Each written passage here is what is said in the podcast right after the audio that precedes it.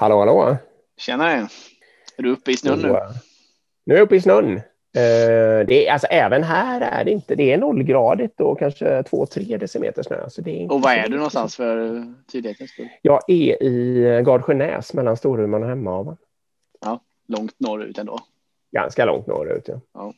Och det, jag menar, jag är van vid att det är minus 20 grader och sånt där och en meter snö liksom, så det är ja. en mild vinter. Det är det än så länge. Du, jag tänkte vi skulle mm. prata om transparens idag. Mm. Vill, du, vill du börja? Jag kan få köra min den här.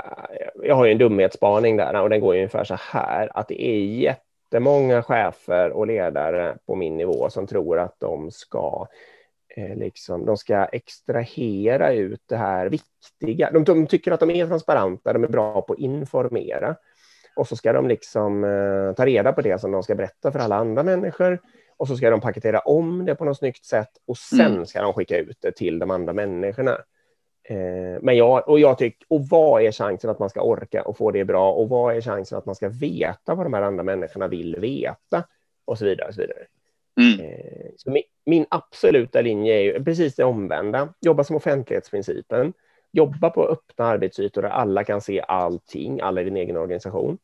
Um, och sen så om det är någon enstaka sak, alltså människors öden och privata saker eller löner eller något sånt där, ja, man gör det hemligt och stoppa undan det någonstans.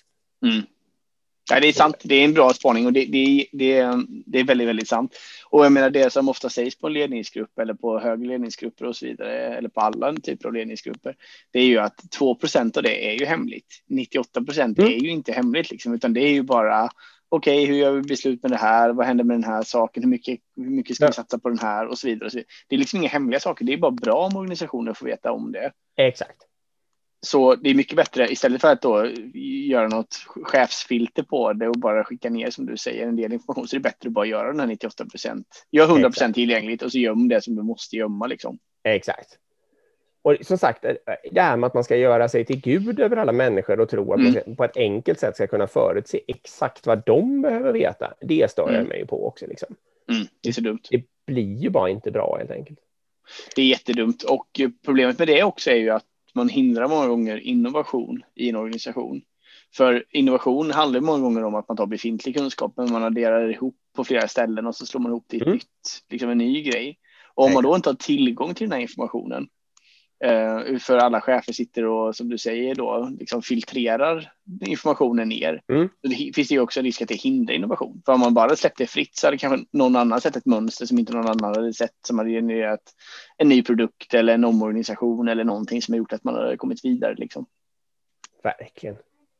Ja, så får man ju det där läget att det sitter någon nere i högra hörnet och går åt motsatt håll i något litet projekt som man inte hade koll på. Liksom.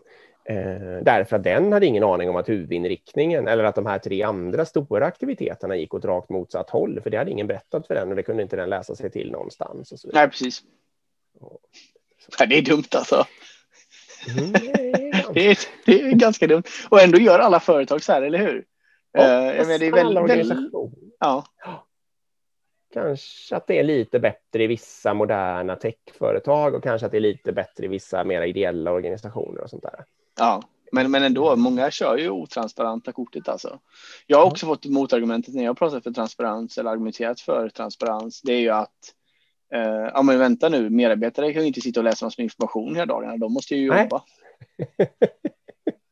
en klassiker, ja. Ja, det är en klassiker. Och då, och då tror, och, men det är lätt att se hur den fällan kommer i och för sig, för den kommer ju av att om man håller nästan allting hemligt hela tiden, då har ju människor en väldigt stor hunger och kanske håller på och letar och försöker få till sig så mycket information de någonsin kan. Och de är mm. liksom inte riktigt kritiska. Men om man däremot ha, ha, vet att man har fri tillgång till nästan allting och när som helst kan slå upp vad som helst, då kommer man ju liksom inte sitta och bara läsa in sig på skit som finns. Nej, exakt. Då kommer man känna sig trygg, liksom, ta tag i det när det behövs. Ja, precis exakt. Och sen är det också en maktgrej. Jag menar som chef har du mer tillgång till information än andra. Därav mm. har du kanske en leverage eller ett övertag då, om man ska sätta det. Mm. Ett övertag som du inte vill bli av med kanske, för du tycker att nej, men det tillhör ju min fina chefsposition att ha den här extra informationen mm. som ingen annan borde ha. Det är sant. Um, så det, det, är säkert drivkraften bakom också varför det är så otransparent på många företag. Mm. Ja, cool. Det var vår tid för idag.